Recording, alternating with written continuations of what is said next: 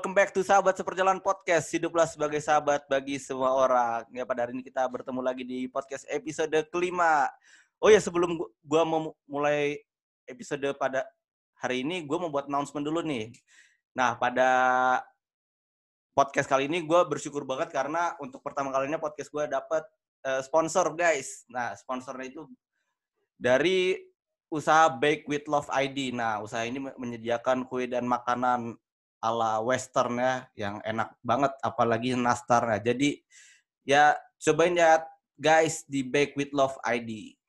Nah, kembali lagi ke topik kita. Jadi untuk uh, edisi kelima ini kita akan membahas tentang uh, masalah problem yang lagi ngetren banget di masyarakat yaitu new normal atau uh, pola hidup baru ya. Jadi uh, new normal ini katanya lagi apa akan berjalan karena kita sudah 2 sampai 3 bulan di karantina. Jadi kemungkinan kata pemerintah sih new normal akan akan dimulai bulan Juni tapi kita nggak tahu. Nah, maka pada hari ini gue akan membahas sekaligus berdiskusi bersama dengan teman-teman gue. Nah, untuk meramaikan episode kali ini, gue ditemani oleh teman-teman gue yang merupakan ahli-ahli hukum dan ahli-ahli teknobiologi yang menjadi teman diskusi gue pada hari ini. Nah, dua dari empat orang yang gue wawancara pada hari ini, ya mungkin kalian udah kenal, yaitu April dan Adit. Nah, maka mungkin yang dua orang yang baru kali ya, yang mungkin kenalan. Teman-teman yang cewek kali ya, yang gue undang hari ini. Oh, siapa duluan yang mau kenalan?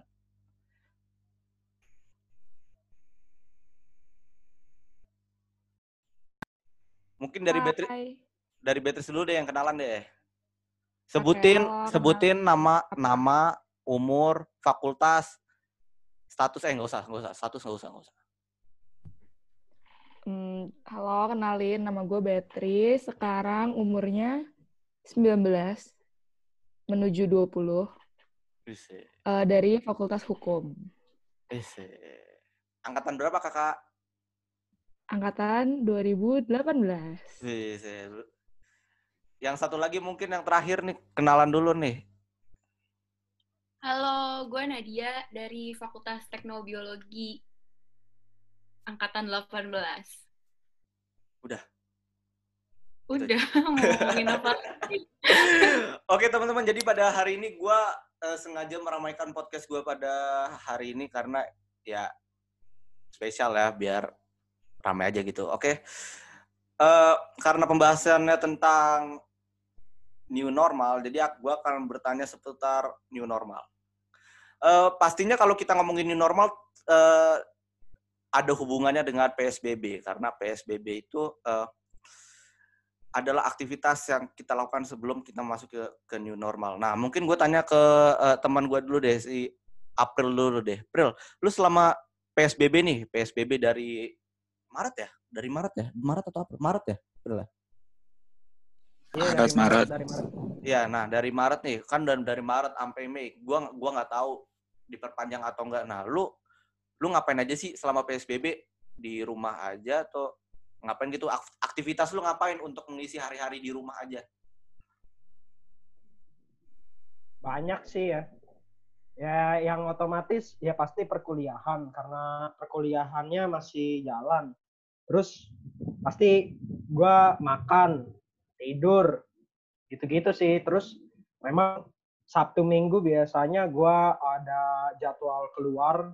Emang harus keluar gitu. Jadi ada ketemu beberapa orang. Nah itu gue di Sabtu Minggu itu emang sering itu. Terus ya kadang main-main musik bareng temen-temen yang lain bikin-bikin apa fit call sama temen segala segala macamnya kayak gitu sih biasa aktivitas gue berfaedah banget ya aktivitasnya ya. Bermanfaat banget. Oke, gua Sebetulnya unfaedah sih. gue mau nanya nih ke teman gue nih, businessman Adit tuh saya. Gue ngeliat-liat nih Adit Wih, nih. Kok businessman? Ya, gue kan ngeliat nih, lu kan calon businessman, businessman nih meskipun amin, amin. anak hukum ya. Gue gue mau nanya, lu lu ngapain aja sih selama uh, eh, PSBB kan lu kalau gue lihat-lihat status lu kan gak hanya mahasiswa nih tapi sebagai uh, sebagai pekerja kali ya, sebagai uh, iya pekerja kali ya, yang work from home juga, nggak hanya learn from home. Oh, iya. Lu, lu ngapain aja lo selama PSBB? Ya, kalau PSBB ya bener tuh yang pertama-tama kan uh, harus kuliah kan. Kuliah jadi dari Senin sampai Jumat tuh kuliah. Habis itu kalau misalkan ada ya dah pekerjaan gitu ya. Paling diselesaikan abis kuliah. Ya sisanya ya makan tidur. Kalau minggu jangan lupa kita misa online. Emang lu misa online? Gue tanya. Misa gue gue lupa loh ada minggu ya. Gue aja baru tahu kalau oh, iya. besar ini. Oke nah gue tanya ke teman-teman gue yang tamu-tamu baru gue nih, uh, Nadia dan Beatrice. Mungkin uh, Nadia dulu deh. Nat, lu selama PSBB ngapain aja nih sebagai sebagai mahasiswa? Ya, lu mengisi waktu PSBB ini ngapain aja biar mak makin produktif gitu? Hmm, sama sih kayak April sama Adit. Cuman kalau gue dari Senin sampai Sabtu kan kuliah tuh. Habis itu ya sisanya ngerjain tugas sama makan tidur makan tidur. Udah gitu doang.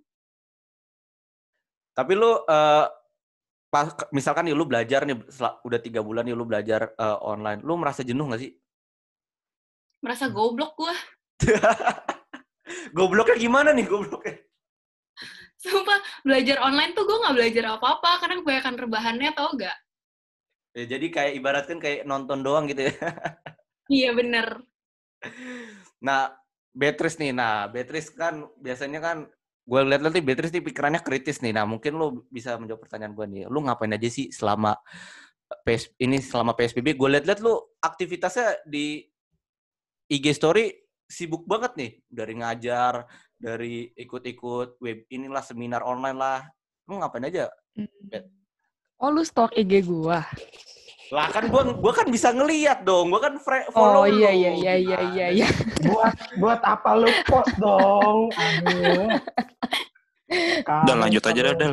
Lanjut aja dah. Iya, jadi ngapain ya? Jadi kayak ya biasa Senin sampai Jumat, pagi-pagi, sore sampai sore sampai siang ya kuliah. Malamnya ada acara bareng teman-teman gereja. Paling kayak novena novena bersama atau rosario bersama atau kadang novena plus plus. Maksudnya novena plus plus itu maksudnya apa tuh novena plus plus? Baru tahu gua. Plus plusnya itu karena kita mengundang pembicara-pembicara yang sangat luar biasa, mantap. Gila. Jadi kita kayak ngundang Putri Indonesia, perwakilan Jawa Barat. Terus waktu itu siapa ya? Ah udahlah banyak pokoknya. Gila. Terus abis itu Sabtu Minggu itu paling nonton film, terus main-main, beristirahat, sama tidak lupa kita misa. Gila nih, gue gua ngeliat Beatrice nih uh, mengisi PSBB rohani banget ya. Rosario, novena, Rosario lagi, novena. Misa, nah gue tinggal gue tanya, misa harian lu ikut nggak? Nah. Nggak bangun, jadi tidak ikut. Gila nih. Gue tapi gue salut sih asik ngeliat-ngeliat lu tuh rohani banget ya anjir. Rosario ya. Novena gila. Nah, uh, mungkin pertanyaan selanjutnya nih untuk teman-teman gue yang ahli hukum nih kayaknya ya, teman-teman gue anak hukum April, Adit dan Beatrice karena nih karena mereka calon-calon pengacara lawyer kan masih punya pendapat yang berbasis hukum kalian ya. Gue mau nanya nih, ini pertanyaannya simple ya. Uh, kan kita PSBB udah 2 sampai 3 bulan nih. Pastinya ada plus minusnya lah dari untuk pemerintah atau untuk dari gugus tugas COVID lah. Nah, menurut lo PSBB ini secara keseluruhan ya dari selama dua bulan sampai tiga bulan ini, menurut lo efektif nggak yang yang udah diadain ini? Efektif nggak menurunkan kurva COVID ini nih? Mungkin dari uh, Beatrice dah, Beatrice. Ladies first, ladies first. Gimana nih? Pendapat lo? Efektif nggak sih menurut lo PSBB turun? Hmm, menurut gua PSBB itu sebenarnya bisa dibilang efektif, bisa dibilang enggak juga. Uh, efektifnya tuh buat siapa ya? Buat orang-orang yang emang mematuhi itu. Ya itu efektif banget. Nggak efektif buat orang-orang yang nggak mematuhi. Contohnya kayak inget eh itu kan lu pada dengar berita yang itu pas mall yang di Bekasi atau di mana ya itu ya? Yang itulah pas dibuka orang-orang langsung pada nyerbu. Itu kan rame banget kan dan itu udah pasti itu menyalahi aturan PSBB. Nah, itulah hal-hal yang kayak gitu tuh yang bikin malah kurvanya jadi naik lagi padahal harusnya udah turun. Gitu sih paling. Kalau Adit nih, Adit, selain bisnisman kan dia juga uh, Apa tuh? Pak anak hukum juga nih. Lu punya pandangan yang berbeda nggak? Eh pandangan lain tentang ini eh, PSBB ini efektif nggak sih? PSBB ya. Ya. Menurut pandangan gue ya. Ya kalau dilihat dari misalkan lu keluar aja deh ke jalanan gitu. Ya masih banyak orang yang nggak pakai masker, terus nggak jaga nggak jaga jarak aman. Jaga jarak aman kayak tol ya. Nggak jarak nggak jaga jarak minimal satu meter. Nah jadi ya menurut pandangan gue sih uh, kurang efektif lah soalnya kayak pemberlakuan PSBB tuh masih menimbulkan kebingungan gitu di tengah masyarakat. Terus ya itu kurang kesadaran masyarakat sih menurut gue. Karena uh, peraturan-peraturannya ada yang menimbulkan kebingungan, terus ada yang patuh tapi ntar juga ujung-ujungnya juga uh, keluar juga setelah ada yang new normal kan. Begitu, Ndal. Wes, gila. Lu kritis Gimana banget. ilmu hukum gua, ilmu hukum gua kayaknya sedikit nih. Tapi Kayaknya gua- di- dilanjutin April nih ya, April. Ya, gua gua ngeliat nih April lu udah, udah nyiapin eh, statement kali ya. Gua gua ngeliat nih April nih emang jago hukum dari dulu ya. Hukum hukum rimba juga kayaknya jago dari dia. Gimana Prel, Prel? Gimana Prel? Ya sebenarnya kalau ya dari gue sendiri ya tergantung tingkat efektifnya bisa dilihat dari mana dulu dari sisi mana gitu ya. Kalau emang kita lihat dari sisi eh, untuk kesehatan untuk penanganan COVID, eh, menurut gua tergantung wilayah juga. Beberapa wilayah memang apa turun gitu angka positifnya. Nah tapi ya balik lagi tadi benar kata Adit kalau eh, kurang efektif karena berbagai kebijakan itu akhirnya peraturan itu selalu tumpang tindih gitu. Jadi menteri ini keluarin peraturan begini, menteri ini keluarin ini, presiden keluarin peraturan ini, terus gubernurnya keluarin ini, terus ada lagi bupati segala macam ngeluarin ini. Nah itu nggak jadi efektif, makanya orang bisa berlalu lalang gitu. Di Tangerang sendiri, kalau gua karena gue tinggal Tangerang, pembatasannya itu nggak ketat banget gitu. PSBB nggak ketat nggak seketat di Jakarta. Kalau di Jakarta gue akuin masih agak ketat walau ada beberapa daerah juga yang nggak dijagain gitu.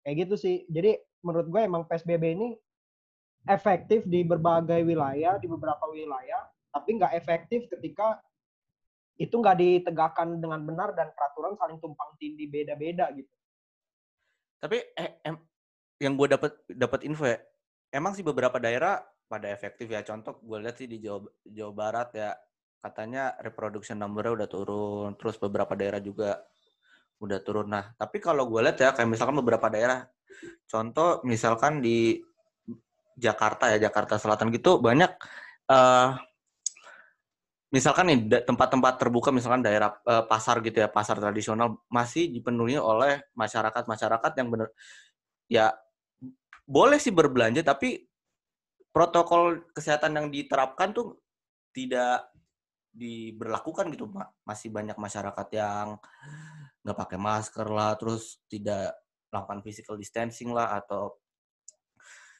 eh apa tidak mencuci tangan lah jadi ya gimana ya susah juga sih kalau aneh kata mau kita mau mencoba new normal ya kalau kita yang nggak tertib ya juga percuma gitu loh. Nah eh, kita kembali ke question yang pertanyaan selanjutnya nih yang mungkin lagi booming juga sih di masyarakat kan new normal kan bentar lagi katanya sih ya katanya new normal kan bentar lagi bakal berlaku nih. Ada yang bilang awal Juni, ada yang bilang pertengahan Juni, ada yang bilang akhir Mei. Nah, gue mau minta penda ini deh eh, pendapat lo nih atau ya mungkin ceritalah uh, andai kata new normal, andai kata new normal udah mulai diberlakukan nih, misalkan besok atau minggu depan, nah, lu sebagai masyarakat, lu mau lu mau ngapain sih abis new normal uh, diberlakukan? Lu mau joget-joget ke, mau apa? Lu mau ngapain sih? Mungkin gue tanya dari uh, Beatrice dulu deh, Beatrice yang yang ini dah, yang mempunyai pikiran yang kritis nih. Gimana nih, Bet? Lu abis andai kata lu ab, new normal udah berlaku, lu mau ngapain gitu? Lu mau aktivitasnya mau ngapain? Mau ke gereja kayak atau ngapain gitu? Ya kan dengan diberlakukannya new normal belum tentu gereja dibuka juga kan. Gereja masih menunggu hal-hal selanjutnya. Dan belum tentu juga kampus kita udah dibuka. Bisa aja kita masih online sampai akhir semester-semester depan. Nah, jadi ya menurut gua kalau gua pribadi dengan adanya new normal ya gue bakal tetap di rumah. Kalaupun harus keluar ya bakal tetap ngikutin kayak sekarang ini. Mungkin ya bisa lebih bebas aja keluarnya, nggak kayak kucing-kucingan gitu lagi andai kata nih, gua kita berandai-andai ya, andai kata misalkan pas new normal PSBB eh pas new normal maksud gua tempat ibadah salah satunya gereja dibuka. Nah, lu mau beribadah nggak? Ya mau, masa tidak? Emang Anda kira saya apa tidak mau ke gereja? Iya. ya kan bisa aja kan, bisa aja kan lu aduh takut gua, ya takut gitu. Ya, bisa aja takut gitu ya. Aduh, gua gua nggak mau berlengkap ini ketemu sama orang-orang lu nih ntar gue carrier lagi atau apalah namanya lah. Enggak lah yang penting kayak kita tetap menjaga jarak aman antara satu orang dengan orang lain. Nah mungkin nggak apa-apa itu mah. Jadi lu berarti uh, new normal kelar, lu mau ke, lu langsung ke gereja nih? ya enggak langsung ke gereja juga, lu kira dosa gue segitu banyak. ya kan gue kan gak tahu. Kan ya bisa... enggak, enggak gitu maksudnya. Ya ya ya sewajarnya aja, sebutuhnya aja. Ya ngapain ke gereja tiap hari? Wis, gila. Setiap minggu ya berarti ya? Iya. Wis, nah mungkin uh, Nadia gimana nih Nadia? Lu abis nih normal mau ngapain? Mau atau ke kampus kah uh, mencari kenangan atau atau mau jalan-jalan ke mall kali ya? Atau gimana? Lu gimana nat? Lu habis new normal diberlakukan lu mau ngapain? Andai kata ya kita berandai-andai ya. kalau gue sih kayak Beatrice sih. Maksudnya kalau butuh keluar ya keluar. Tapi kalau emang gak butuh-butuh banget mending di rumah gitu loh daripada bahaya kan. Tapi kalau ke kampus ya enggak sih, nggak mau. Kenapa, kenapa? Mangger ketemu dosen? enggak juga, jangan gitu. Jangan lupa kita harus ke kampus hari Jumat, weh. Iya, ke kampus hari Jumat. sih saya gak usah iya, ya, bener. Iya, nggak usah. Cuma buat bisa doang di kapel. Iyalah. Emang, oh, uh, kok Jumat ada misa? Oh iya, ini lupa gue. Apa sih? Gimana? Lupa, lupa.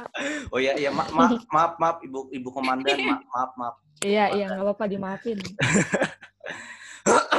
nah, uh, April, April, gimana, gimana nih, April? Lo abis, gue kan ngeliat nih, lu kan uh, sibuk nih ya, gue ngeliat lu mengikuti berbagai aktivitas, tapi aktivitasnya online supaya. Nah, lu abis, andai kata, kita berandai-andai new normal udah berlaku kan, lu mau ngapain?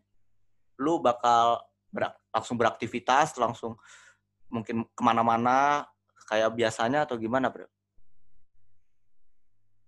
Ya kalau gue lihat ya gini, uh, kebijakan new normal ini juga masih belum jelas gitu ya.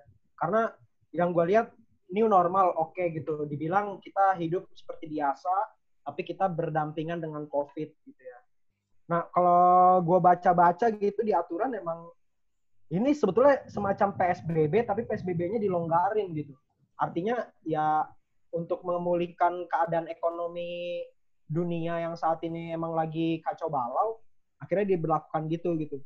Nah, gue gua gue masih nggak mungkin nggak percaya sih, maksudnya kalau emang bisa diterapin protokol kesehatan sampai mall buka gitu-gitu itu emang susah banget. Nah, kalau gue sendiri uh, memang pasti ini menjadi masa transisi ya gimana pasti banyak orang tergiur untuk langsung terjun termasuk gue sendiri gitu. Pasti mau langsung keluar keluar aja main-main ke mana-mana tapi tetap aja gue tetap bisa membatasi gitu ya. Intinya sih yang penting gue pertama itu sosialisasi sama teman-teman dulu dah. Gue udah kayak hidup di zaman zaman batu gue rasa. Nah kan tadi kan nah kan April udah ngomongin ini. Nah berarti tinggal Adit nih. Kan Adit kan entrepreneur nih yang pastinya kalau udah kembali ke keadaan normal uh, pastinya dia lu kan sibuk nih dia jalan-jalan eh ini harus pergi ke mana lah untuk demi pekerjaan lu lah nah lu ngapain andai kata new normal kelar nih, misalkan new normal berlaku bulan Juni dah, bulan Juni awal. Lu lu mau ngapain, Dit? Apa ya, aktivitas apa yang lu lakukan? Kegiatan di luar apa yang akan lu lakukan? Lebih jelasnya, gimana? Ya, ya kalau misalkan new normal nih kan, ya gue sih dari gue sendiri nggak langsung kayak gue langsung beraktivitas kayak biasa. Gue kayak ngeliat dulu nih orang-orang kayak gimana sih di luar Nah, kalau misalkan memungkinkan ya kita juga dari gua sendiri sih mendingan meeting kalau enggak belajar dari rumah. Paling minimal keluar rumah ya ini udah bucin-bucin. Bucin, buset lu udah yeah, mantap nggak tuh? Udah emang lu udah berapa lama nggak ketemu cewek lu? Tadi tadi sih tadi gua ketemu sih jam 3 sore. Ketemu depan Facebook. rumah doang. Eh, lu lu ngap lu ngapain gitu loh? Ngasih ngasih ngasih bunga ngasih bunga ngasih bunga. Ngasih donat ngasih donat. Agak lah ngasih makanan lah. Wis gila. Dari untuk kekasih tersayang di luar sana. Asik. Lu, lu, lu gimana dah lu lu kan suka ngabucin nih. Kan gue belum punya pak. Lah tadi lu cerita sama yang itu dah sama siapa? Yang itu. Sama yang itu. Lu nggak usah ikut-ikut, Bet. Beatrice nih so tau perlu, perlu, perlu gua ungkap nih, Dang. Eh, jangan dong. Atau perlu gua tunjukin chat lu barusan. Eh, jangan dong. Itu kan privacy yang tadi kita omongin. Nah, ya, paling gitu dah. Nah, gue gua, gua mau nanya ke Adit aja ya selaku Apaan uh, nih? Selaku uh, entrepreneur. Gue gue melihat lu kan entrepreneur nih, anak hukum tapi entrepreneur nih. Nah, uh, selama PSBB, uh, eh, lu nyaman gak sih kerja work from home? Lu beradaptasi cepet nggak? Ya kalau misalkan nyaman gak nyaman ya kita harus ngadepinnya ini dengan senang hati mau nggak mau. Ya mau nggak mau ya harus beradaptasi dah. Tapi lu kalau kalau kerja kalau kerja gitu andai kata new normal berlaku uh, tempat kerja lu langsung nyuruh lu ke tempat kagak lah. atau gimana? Oh tetap work from home ya? Kagak. Iya bebas oh jadi boleh tergantung elunya gitu misalkan lu mau iya yeah. oh jadi lu yang ya ibaratkan ya terserah gua lah lu gua mau kerja di sini atau yang hmm. penting gua kerja gitu iya kan gue sendiri sih kalau misalkan dibuka ya gue nggak dateng gitu loh. Oh iya. Kan kayak istilahnya tuh COVID nih kayak serigala berbulu domba. Mantap nggak tuh? Ma maksudnya apa tuh? Itu peribahasa atau apa tuh? Itu nggak tahu gue dengar aja. Oh, dari mana gitu? Dari mana? Dari mana? Dari dari Google. Lupa gue. Serigala berbulu domba. Jadi musuhnya ada tapi kita nggak bisa ngeliat kan. Ada di sekitar kita. Gila, mantap, gila, mantap banget kata-kata gue. Iya, lu lu kayaknya harus jurusan ini dah bah, sastra bah, sastra bahasa Indonesia kayaknya. Gue gue liat nih lu lu jago nih kayaknya. Kagak, gue nyaman gue di hukum. Bangga ya. Apalagi apalagi sekelas sama Beatrice ya. Itu aduh, jangan lo omongin dah, males gue. parah banget coba parah. Parah banget. Nah, uh, Nah, tadi kan kita udah saling diskusi panjang dan diskusi singkat. Nah, gue mau gue mau uh, nanya ke April nih. Ini ibaratkan last question lah. Kan masyarakat kan masih ibaratkan ada yang patuh PSBB, ada yang patuh, ada yang nggak patuh, ada yang nakal, ada yang nggak nakal, ada yang mau, mau maunya beraktivitas di luar untuk mencari keramaian atau enggak. Nah, lu ada nggak sih pesan-pesan untuk masyarakat ya untuk teman-teman pendengar juga sih tem pesan untuk masyarakat uh, yang apa yang sedang menghadapi COVID-19 ini gimana, Bro? Ya, yang pertama ya gue sih nggak gue nggak mau menyalahkan mereka yang selalu keluar-keluar itu ya karena ya gue paham lah gitu mereka keluar untuk apa emang ada yang main-main juga sih sebetulnya. Yang pertama emang untuk pemerintah ya. Gue pertama pemerintah itu gue mau minta ketegasan terkait dengan peraturan-peraturan yang dibuat. Jangan sampai saling tumpang tindih, saling berlawanan, saling bentrok gitu. Akhirnya menimbulkan sendiri keresahan, kebingungan di masyarakat. Itu yang pertama untuk pemerintah. Terus untuk aparat penegak hukum emang kayak polisi gitu-gitu ya kalau emang ada PSBB atau ada kebijakan untuk melarang-melarang gitu, tindak tegas ke seluruh wilayah gitu, jangan cuma wilayah-wilayah tertentu aja. Terus ya emang itu ya ada sanksi sanksinya juga harus diterapin. Terus untuk teman-teman gitu ya untuk teman-teman semua para pendengar podcast ini ya udah ya emang kita punya kebingungan masing-masing. Kita tetap emang harus menjalankan aktivitas kita masing-masing gitu. Kita ada kepentingan di luar mungkin makanya kita harus terpaksa keluar. Nah itu tapi tetap harus apa ya namanya? Ya itulah. Apa sih namanya? Uh, ya tetap harus patuhin aturan patuhin segala macam bentuk gimana kita jaga kebersihan gitu ya pakai masker cuci tangan dan sebagainya macamnya kayak gitu ya tetap laksanain itu semua kita bersiap untuk new normal ini yang katanya bakal kita hidup bakal berdampingan dengan COVID, otomatis pasti kita harus tetap juga was-was gitu walaupun kita menjalani kehidupan normal kita. Itu sih, Nal. Gila nih, apa nih? Lengkap banget ya pesannya untuk pemerintah, government, terus untuk masyarakat, terus gila. Gua gua percaya lu calon gubernur lah, ya. nah, untuk uh, ogah. Ya, lu seharusnya amin dong, amin dong dal biar gue jadi gubernur dong, gila. Gubernur Tangerang maksudnya. Tangerang kan kabupaten kota ya. Oh iya iya, eh bego. Gimana sih Banten kali Banten. Oh iya. Coba lu lu bikin malu pendengar lu gila. Sumpah dah. Enggak sekalian Lu kan lulus SMA dah. Oh iya iya. Lu kan lulus SMA kan ya. SMA-nya di Gons lagi kan. Eh, Aduh, jangan nyebut-nyebut iya. merek ya. Sebut merek. jangan sebut merek. Untung gue ya. di Stella Maris. Biasa gue gue masih gue tadi abis. Gue gue abis jet lag tadi dari rumah yang gue ini jet lag gue tadi. hmm, gitu. Nah, mungkin dari uh, Nadia nih, Nadia ada pesan apa nggak untuk society, untuk masyarakat, atau untuk pemerintah, atau untuk teman-teman juga yang mendengarkan podcast ini? Apa ya?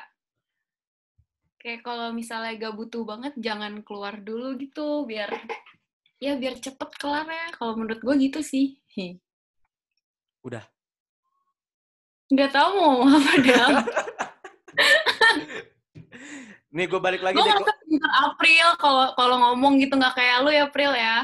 Beda April itu uh, udah jauh jauh. jauh udah udah master dia dia belajar banyak. Ilmunya tuh terlalu overload dia. Ya gue gue nanya ke temannya temen tersayangnya April lah si Beatrice lah gue nanya dah. Bet menurut lo ada nggak nih pesan untuk masyarakat? Untuk pemerintah nggak, nggak. Oh lu nggak ada pesan? Wah lu ya. ada ada ini ada ada ada. Jadi pesannya buat pemerintah apa ya? Kayak ya peraturan yang ada yang udah ada itu kayak lebih di lebih diperjelas lagi. Karena masih banyak peraturan yang tumpang tindih satu sama lain. Kayak ya adalah pokoknya beberapa peraturan yang masih tumpang tindih. Terus buat teman-teman semuanya siapa pun kalian itulah nggak usah keluar rumah dulu di rumah aja. Kalau nggak ada kepentingan apa-apa mending di rumah kali. Jadi sekarang kita bersatu kita eh salah bukan bukan bukan gitu. Um, oh ya benar. Bersatu kita runtuh bercerai kita teguh. Nah itu tuh. Jadi ya udah nggak usah kumpul-kumpul lah. Gitu ya Tadi apa bersatu apa bersatu apa bersatu apa? Bersatu kita runtuh, bercerai kita teguh. Gila. Anak anak hukum banget sih asik. Yang yang IP-nya IP, yang IP-nya IP-nya tinggi. Ini pada cerai semua nih. Abis ini cerai semua gitu. Ngomong ngomong ngomong. Itu itu mah nggak nggak usah ditanya itu. nah, yang terakhir nih untuk temen gua tercinta, terkeren, Aditya. Lu ada pesan nggak untuk society, untuk masyarakat luas? Ya, pesannya Udah boleh ngomong belum? Boleh dong. Oke. Jadi pesannya tuh ya, kalau misalkan nggak butuh, nggak butuh-butuh banget keluar ya jangan keluar. Ya tetap jaga jarak satu meter, terus tetap pakai masker. Ya itu sih. Ya jadi kayak pandemi ini bisa kelar kalau kita taat. Itu. Yes, Bukan kelar sih, bisa ditanggulangi lah. Kalau kita ada kesadaran dalam diri kita sendiri. Begitu, Dal. Jadi, uh, COVID ini selesai itu tergantung dari kitanya ya, sebagai society, sebagai masyarakat ya. Kalau kita kata Bukan, bukan selesai, Dal. Jadi kayak nggak terlalu, inilah, terlalu, kurvanya terlalu tinggi. Jadi bisa diatasi Oke, okay, I see, I see. Uh, thank you banget ya untuk uh, teman-teman gue yang udah mengisi podcast gue pada hari ini. Thank you juga buat Beatrice, April, Adit, dan Nadia yang udah menemani menemani gue di episode ke kelima ini. Semoga uh, diskusi kita pada eh diskusi serta cerita kita pada hari ini sungguh bisa uh, menghibur teman-teman pendengar. Nah, sebelum gue menutup uh, podcast ini gue punya pantun nih untuk teman-teman pendengar nih. Yaitu bagus mempesona sarang lembah, eh lebah. Cakep. Cakep. Jadi Cakep. Jati, India menjadi sarang ya. Cakep. Cakep dah, cakep. Virus corona se sedang mewabah. Cakep. Hati-hati jaga diri dan keluarga kalian. Thank you banget buat teman-teman. Mantap. See you next episode. Thank you.